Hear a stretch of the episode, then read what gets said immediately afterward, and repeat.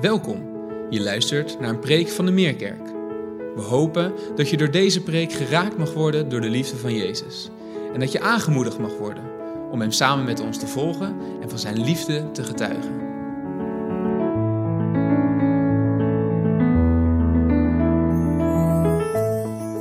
Goedemorgen. Gelukkig wie nederig van hart zijn, want voor hen is het koninkrijk van de hemel. Dat was de Bijbellezing voor vandaag. Iets korter dan normaal, dan we gewend zijn. En sowieso is het zo dat in onze protestantse traditie we sowieso wel de voorkeur hebben voor langere Bijbelgedeeltes. We houden van grote lappen teksten, veel van de Bijbel tot ons nemen. Dat is niet altijd zo geweest. In de katholieke traditie zijn ze veel meer ja, dat ze stilstaan bij één vers, soms zelfs bij één woord. Ik hoorde eens een mooi verhaal en ik kan niet verifiëren of het klopt, want ik weet de bron er niet van. Maar een verhaal over de woestijnvaders. Dat waren de, een van de eerste monnikengroepen. En die woonden in de woestijn van Egypte in de derde eeuw. En het verhaal ging als volgt. Was een man die had gehoord over een ene wijze man genaamd Jezus. En die wist en die kreeg te horen dat die woestijnvaders daar meer over te vertellen hadden. Hij ging naar hen toe en vroeg: Kan u mij iets vertellen over Jezus? En de woestijnvader dacht: Ja, natuurlijk, ga maar zitten. En hij dacht: Waar beter te beginnen dan bij de bergreden? Hij begon. Gelukkig wie nederig van hart zijn, want voor hen is het koninkrijk van de hemel. En de man die luisterde zei: Stop, oké, daar moet ik even over nadenken. Hij stond op en hij liep weg. En een jaar, anderhalf jaar later kwam hij terug en dan zei hij: Oké, ik heb erover nagedacht. Volgende vers, alstublieft. nou, dat zijn wij helemaal niet gewend. Om stil te staan bij kleine stukken tekst. En daarom ben ik zo blij met onze prekenserie dat we echt de tijd nemen om de zaligsprekingen tot ons te nemen, de diepte ervan te begrijpen. Niet te gehaast uh, er overheen te gaan lezen, te veel lappen tekst te willen behandelen, maar echt even stil te staan. Wat zegt Jezus hier nu? Vorige week heeft Wichtle ons meegenomen in de setting van de bergreden. En het gewicht van dat moment, het gewicht van zijn woorden, het gewicht van de persoon die die woorden uitspreekt, Jezus Christus, de Zoon van God. En hij onderwijst ons. En dit is wat hij zegt. Dit zijn de eerste woorden die uit zijn mond komen. En in eerste instantie klinkt het mooi en denken we, oh, dat, dat klinkt mooi, het klinkt bijna poëtisch. Maar als we er iets langer over nadenken, net zoals die man die daar anderhalf jaar voor nodig had, dan denken we, ja, maar het klopt toch helemaal niet? Ik begrijp het eigenlijk helemaal niet. Het is heel tegenstrijdig. Want letterlijk in de tekst, uh, en de MBG 51 die, die vertaalt dat letterlijk wat er in het Grieks staat, namelijk gelukzalig de armen van geest. Zij die arm zijn van geest, zij zijn gelukkig. Wij associëren armoede niet per se met geluk. Wij denken juist, ja, gelukzalig de rijken van geest. Als je gevuld bent en als je blij bent en als je veel, veel bezit hebt. Nee, nee, nee. Jezus zegt, als je arm bent, ben je rijk. Wat bedoelt hij daarmee? Dit noemen we wel een paradox. Een schijnbare tegenstelling. Dus het lijkt een tegenstelling te zijn, armoede en geluk, die gaan niet samen. Maar Jezus verbindt die met elkaar. En mijn ervaring met paradoxen is dat mensen niet zo erg houden van paradoxen.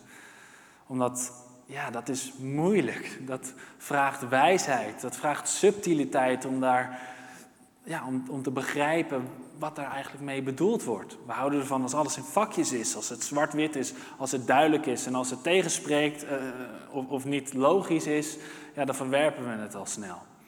Maar dat mogen we niet doen bij die woorden van Jezus. Hier moeten we stilstaan bij de paradox die hij, waar hij zijn zaligsprekingen mee begint. En hij spreekt over armoede, over geestelijke armoede. En ik wil graag drie aspecten daarvan uitlichten deze ochtend.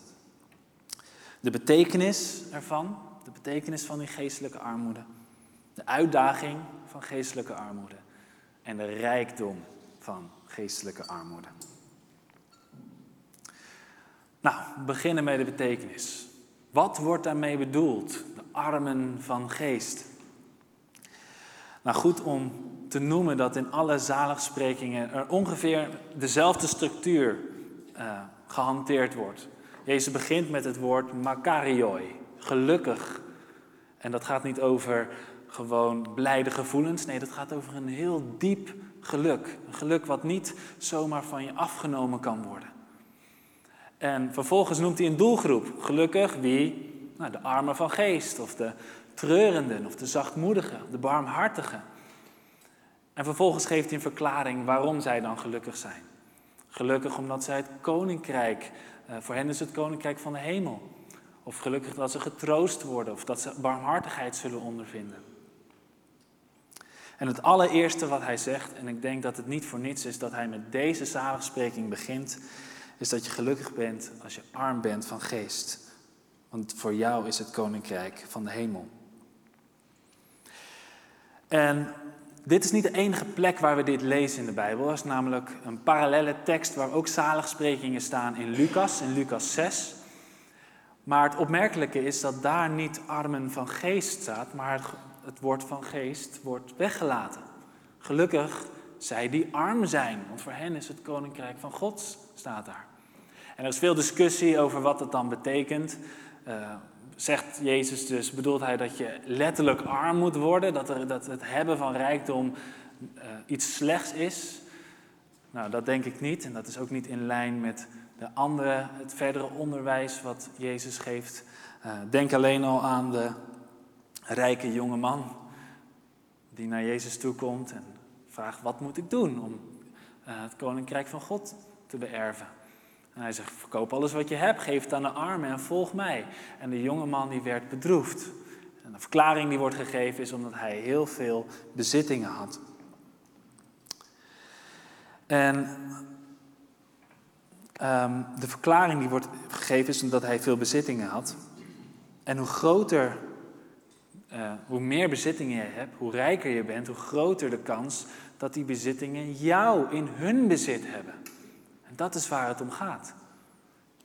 Het gaat niet om dat het hebben van bezit in, zichzelf uh, slecht is. Maar dat maakt de kans gewoon groter dat dat bezit zo belangrijk is. Dat dat het kostbaarste is wat je hebt. En dat God dus niet het kostbaarste is wat jij hebt in je leven. Hij gebruikt, Jezus, het beeld van armoede om iets, ons iets te vertellen over onze innerlijke staat. En daarom is uh, zijn de woorden die Matthäus toevoegt zo behulpzaam. Armen van geest. Het gaat hier over iets diepers. Want er is één ding. Er is één ding wat de armen wel hebben, wat de rijken niet hebben. En dat zijn lege handen. Armen hebben lege handen. En als je lege handen hebt, als je niks meer hebt, dan ben je eerder geneigd om jezelf afhankelijk op te stellen. Ben je eerder geneigd om naar God toe te gaan. Ik, ik heb niks. Wilt u het me geven? Ik kan het niet alleen. Je bent eerder geneigd om jezelf over te geven aan God. Armoede, waar Matthäus hier in de bergreden, hoe hij het beschrijft en waar Jezus over spreekt, is niet per se de conditie van je bankrekening, maar het is de conditie van je hart. En dit maakt een belangrijk subtiel onderscheid. Want je kan veel bezittingen hebben en nog steeds arm van geest zijn. Als die bezittingen jou niet in hun bezit hebben. Als je, als je die bezittingen weggeeft of kwijtraakt, dan stort je leven niet in. En aan de andere kant kan je arm zijn, maar je zinnen volledig zetten op rijkdom. Als ik dat heb of als ik maar geld heb, dan zullen al mijn problemen weg zijn. En dat is niet het punt dat Jezus hier maakt. Het gaat dieper dan dat. Hij spreekt over wat je het meest koestert in je hart. Wat is daar je rijkdom? In de breedste zin van het woord. En ja, dat kunnen spullen zijn. Dat kunnen bezittingen zijn. Dat kan ook de status die gepaard gaat met bezittingen. Kijk mij in mijn uh, dure auto. Kan ook, kunnen ook relaties zijn, wat je, wat je daaruit haalt. Een bepaalde veiligheid of een bepaalde uh, bevestiging of de aandacht van mensen. Of wat je ook veel ziet is dat heel veel mensen heel veel waarde hechten aan de rollen die ze spelen in het leven. Dat dat hun hele volledige identiteit bepaalt. Ik ben een professor, ik ben geleerd. En op het moment dat ze met pensioen gaan en dat hun titel professor wegvalt voor hun naam, dan stort meteen hun leven ook in. Of een andere rol, kunstenaar of een hulpverlener, noem het maar op. Wat is het wat je kostbaarste bezit is? En hoe je daarachter kunt komen is precies om je dat voor te stellen. Om je voor te stellen, wat als ik dit of dat aspect van mijn leven kwijtraak? Stort mijn leven dan in? Stort mijn leven dan helemaal in? En wat Jezus hier eigenlijk zegt, en wat eigenlijk best provocerend is, is uh, hij zegt gelukkig als dat precies gebeurt. Gelukkig als dat, als jouw grootste kostbaarheden in het leven, als die wegvallen. Gelukkig als het fundament van je leven, wat niet God is, waar jij je leven op bouwt, als dat instort, dan ben je pas gelukkig. Want dan sta je met lege handen.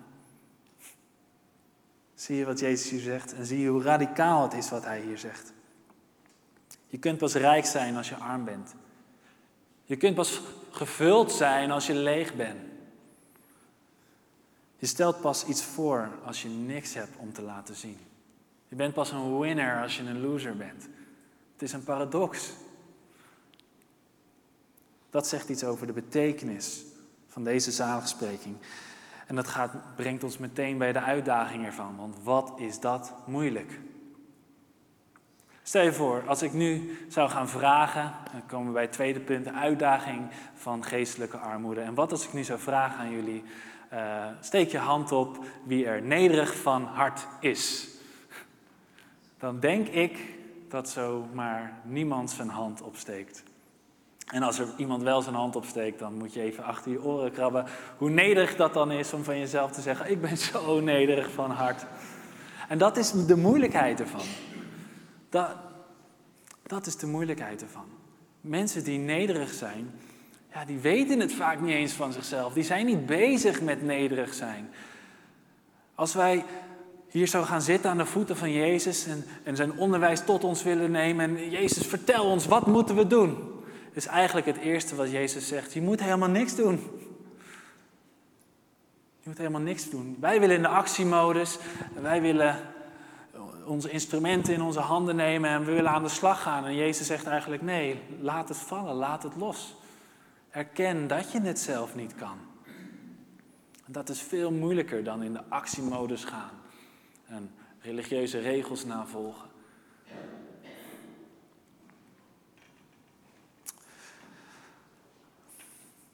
Mensen die nederig zijn, die arm van geest zijn, die zijn niet bezig met nederig zijn zodat zij in het koninkrijk van de hemel kunnen komen. Nee, dat zijn juist de mensen die weten dat ze het niet verdienen om in het koninkrijk van de hemel te komen. Dat het pure genade is, dat als ze daar wel naartoe mogen gaan. Dat zijn de armen van geest. Dat zijn de nederigen van hart.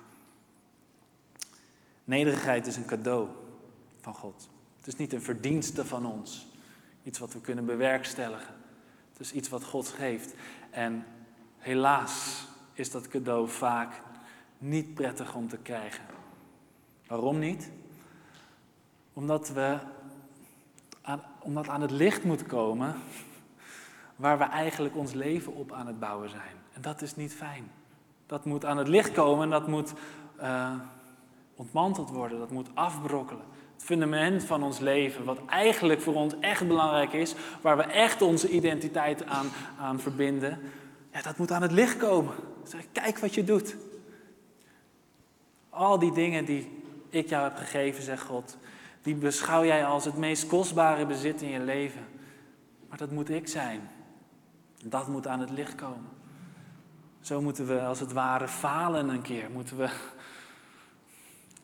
ja, moet het een keertje niet lukken. En alles wat we willen bereiken en wat we aan de buitenkant willen zien, dat dat op een gegeven moment, hé, hey, ik, ik, ik prik daar doorheen. Dat is niet echt, dat is dat je een keer faalt, dat je valt. En dat je dan erachter komt, hé, hey, ik kan het niet zelf. Kan het niet zelf, ik ben arm. Ik moet toegeven dat ik het niet kan. En dat is niet fijn. En ik moet zeggen dat onze cultuur en onze menselijke natuur daar ook niet aan bijdragen. Die helpen niet bij dit proces van nederig worden. Het tegenovergestelde zelfs. We leven in een prestatiecultuur waar het belangrijk is dat we presteren en dat we er goed uitzien aan de buitenkant en dat we, ja, we moeten wat van ons leven maken, we moeten onze talenten ontwikkelen. Je moet in jezelf geloven. Dat zijn de dingen die we horen, die we elkaar vertellen. En we vergelijken onszelf constant met anderen. Dat is social media het ultieme platform voor natuurlijk. En we zijn ook niet te, te verlegen om onze mening te delen over alles en nog wat. Ik zou niet per se zeggen dat dat nederig van hart is. Iemand die nederig is, hoeft zichzelf niet te vergelijken met andere mensen, begrijp je? Die is gewoon oké, die weet, oh, ik heb niet zoveel te brengen. Als, omdat ik weet, omdat ik een ontmoeting heb gehad met een onzagwekkende God. En ik stel niet zoveel voor, ik, ik heb Hem nodig. Ik hoef mezelf ook niet aan te bewijzen aan andere mensen. En dan kan je misschien zeggen, ja, dat is de cultuur. Dat is waar we in leven, maar wij in de kerk, wij, wij zijn anders. Ik ben bang dat, we, dat het hier ook gebeurt. Dat het niet per se de armen van geest zijn. Dat het niet per se de nederige van hart zijn die wij prijzen, die wij bejubelen. Dat we zeggen, ja, dat is wat wij willen. Dat, dat is wat wij nastreven. Kijk, die geven wij een podium.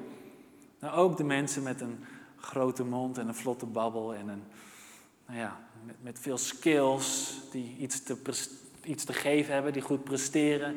Dat zijn de mensen die ook op het podium belanden. Ik noem geen namen.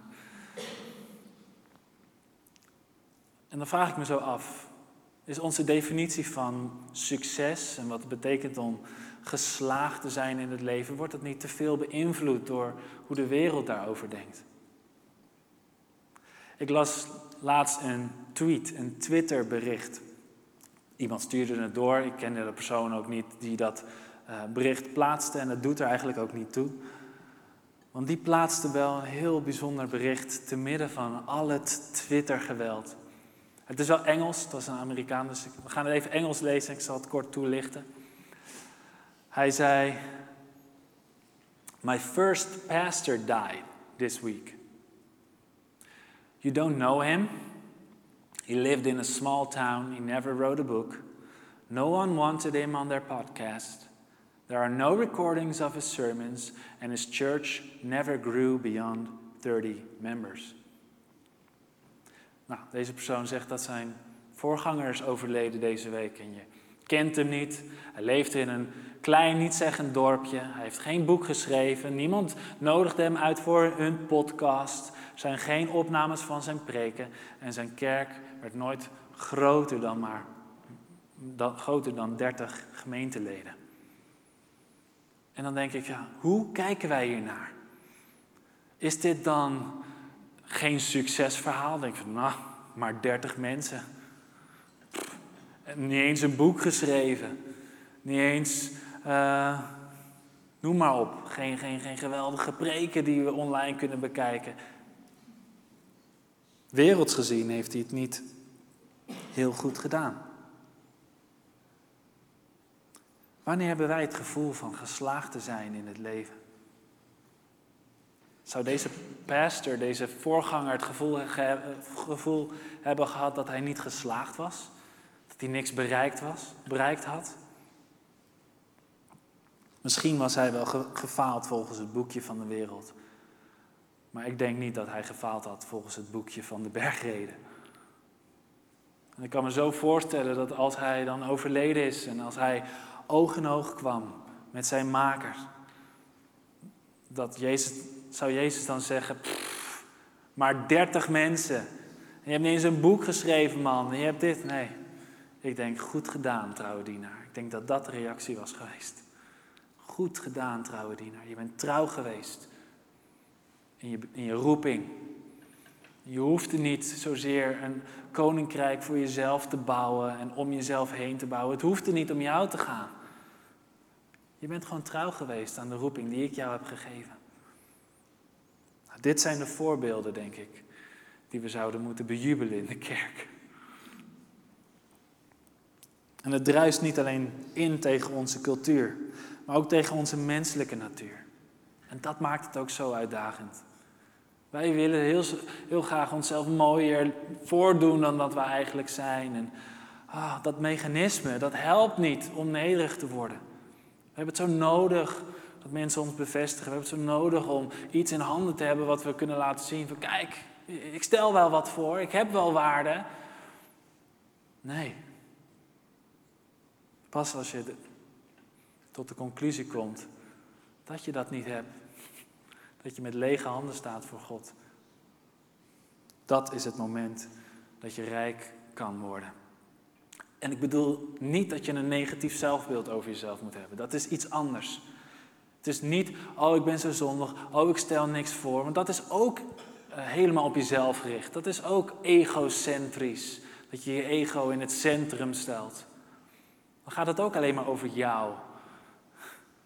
Een nederig iemand denkt gewoon niet zoveel aan zichzelf. Die, die is gewoon oké met zichzelf. Het gaat dieper dan alleen zeggen, oh, ik ben zo zondig. Het gaat dieper dan alleen zeggen, er zijn dingen in mijn leven die ik kostbaarder vind dan u. Heer, u bent niet genoeg voor mij.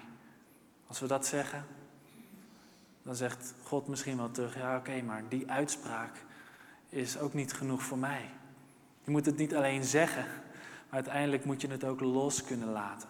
Moet je ook durven, durven vertrouwen dat datgene waar jij je waarde aan, aan verbindt, waar jij een gevoel van krijgt, ik stel iets voor, dat je dat los durft te laten. Dat is wat hij van je vraagt. Dat is de uitdaging. Maar oh, wat ligt er een rijkdom in het verschiet. En dat is het laatste punt. En ik snap, tot nu toe is het geen aantrekkelijk verhaal. Je moet alleen maar dingen opgeven en, en, en, en, tot de conclusie komen dat je misschien niet zoveel voorstelt als dat je wil of hoopt. Maar het is nodig, ook om de rijkdom daarvan in te zien. Dat je dus niet afhankelijk bent van je prestaties. Je leeft niet meer om indruk te maken op mensen om je heen en daar een stuk zekerheid mee te voelen. Je staat eindelijk echt met lege handen voor een onzagwekkende God. Wetende dat je geen recht hebt op zijn genade. En alleen met die knikkende knieën zou ik het bijna willen noemen. Alleen met die knikkende knieën kan je het koninkrijk van de hemel betreden. Iemand die nederig van hart is, weet dat hij alles wat hij heeft moet verliezen. In de hoop dat hij alles zal krijgen wat zijn hart ooit verlangd heeft. Er is een bekende uitspraak van een zendeling uit Amerika die zijn leven gaf om onbereikte volken in Ecuador het evangelie te vertellen. Het is al een halve eeuw geleden. Zijn naam is Jimmy Elliot. En zijn deze uitspraak is me altijd bijgebleven. Over rijkdom gesproken. Hij zegt: He is no fool who gives what he cannot keep to gain what he cannot lose. Vertaling: Je bent niet gek. Je bent geen idioot als je opgeeft wat je toch niet kunt houden. Om datgene te winnen wat je nooit kunt verliezen. Nou, hij gaf alles op. Zijn, zijn baantje in Amerika, zijn veiligheid, zijn zekerheid. En mensen verklaarden hem voor gek. Maar hij zegt, nee, ik ben niet gek. Want volgens de bergreden ligt mijn rijkdom ergens anders. Nou, we hebben net het beeld gezien van Thomas en Eva. Ook zo'n verhaal. Gaven ook alles op. Namen hun kleine babytje mee. Gingen naar de andere kant van de wereld om het evangelie te delen met mensen. Dit is de levenshouding van een christen. Iemand die arm van geest is, nederig van hart. En weet je wat het wonder is van het evangelie? Dat Jezus nooit iets van ons vraagt wat hij niet eerst zelf voorgeleefd heeft. Je kan misschien wel denken, ja, maar hoe dan? Hoe moet ik dat loslaten? Hoe? Hoe moet ik loslaten wat ik zo koester in het leven? Ik vind het zo moeilijk om met lege handen te komen staan. Ik durf dat niet. Ja, Jezus weet precies hoe dat voelt. Want in Filippenzen 2 lezen we daarover. Dat hij die de gestalte van God had, hij hield zijn gelijkheid aan God niet vast, maar deed er afstand van. Hij liet alles los. En als mens verschenen heeft hij zich vernederd en werd hij gehoorzaam tot in de dood. En daarom krijgt hij de naam boven alle namen. Als je denkt dat hij veel van jou vraagt, er werd altijd oneindig veel meer van Jezus zelf gevraagd. Als jij denkt, ik moet veel opgeven, Jezus heeft nog zoveel meer opgegeven. En waarom? Uit liefde voor jou. Dat is het evangelie. Dat is het evangelie. Dat als jij bereid bent om met lege handen voor God te staan, dan zal Hij die lege handen vullen. Waarmee? Met zichzelf. Met zichzelf. Die God die bereid was aan een kruis te sterven voor jou. Die zoveel van jou houdt. Die liefdevolle God die wil een relatie met jou tot in eeuwigheid. Dat wordt jou hier aangeboden.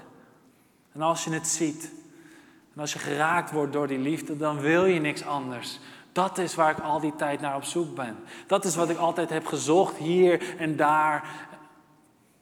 Maar wat ik nergens echt vond. Hier wordt het je aangeboden. En ik zou deze kans aangrijpen om het aan te nemen wat hij je aanbiedt. En Paulus verder in de Filipijnse brief in vers, eh, hoofdstuk 3 zegt hij het volgende. Dan wil ik mee eindigen. Wat voor mij winst was, ben ik omwille van Christus als verlies gaan beschouwen. Sterker nog, alles beschouw ik als verlies. Het kennen van Christus Jezus, mijn Heer, overtreft immers alles. Ken jij dat al? Is dat al voor jou zo? Dat het kennen van Jezus Christus alles overtreft. Ja, dat je alles in je leven als verlies beschouwt. Dat je met lege handen komt te staan en zegt: kennen van Jezus Christus overtreft voor mij alles. Deze eerste paradoxale zaligspreking, die druist in tegen onze cultuur. Het verbreekt onze menselijke natuur, maar het geeft ons perspectief op eeuwigheidsduur het koninkrijk van de hemel. Fijn dat je hebt geluisterd. Voor meer informatie ga naar www.meerkerk.nl.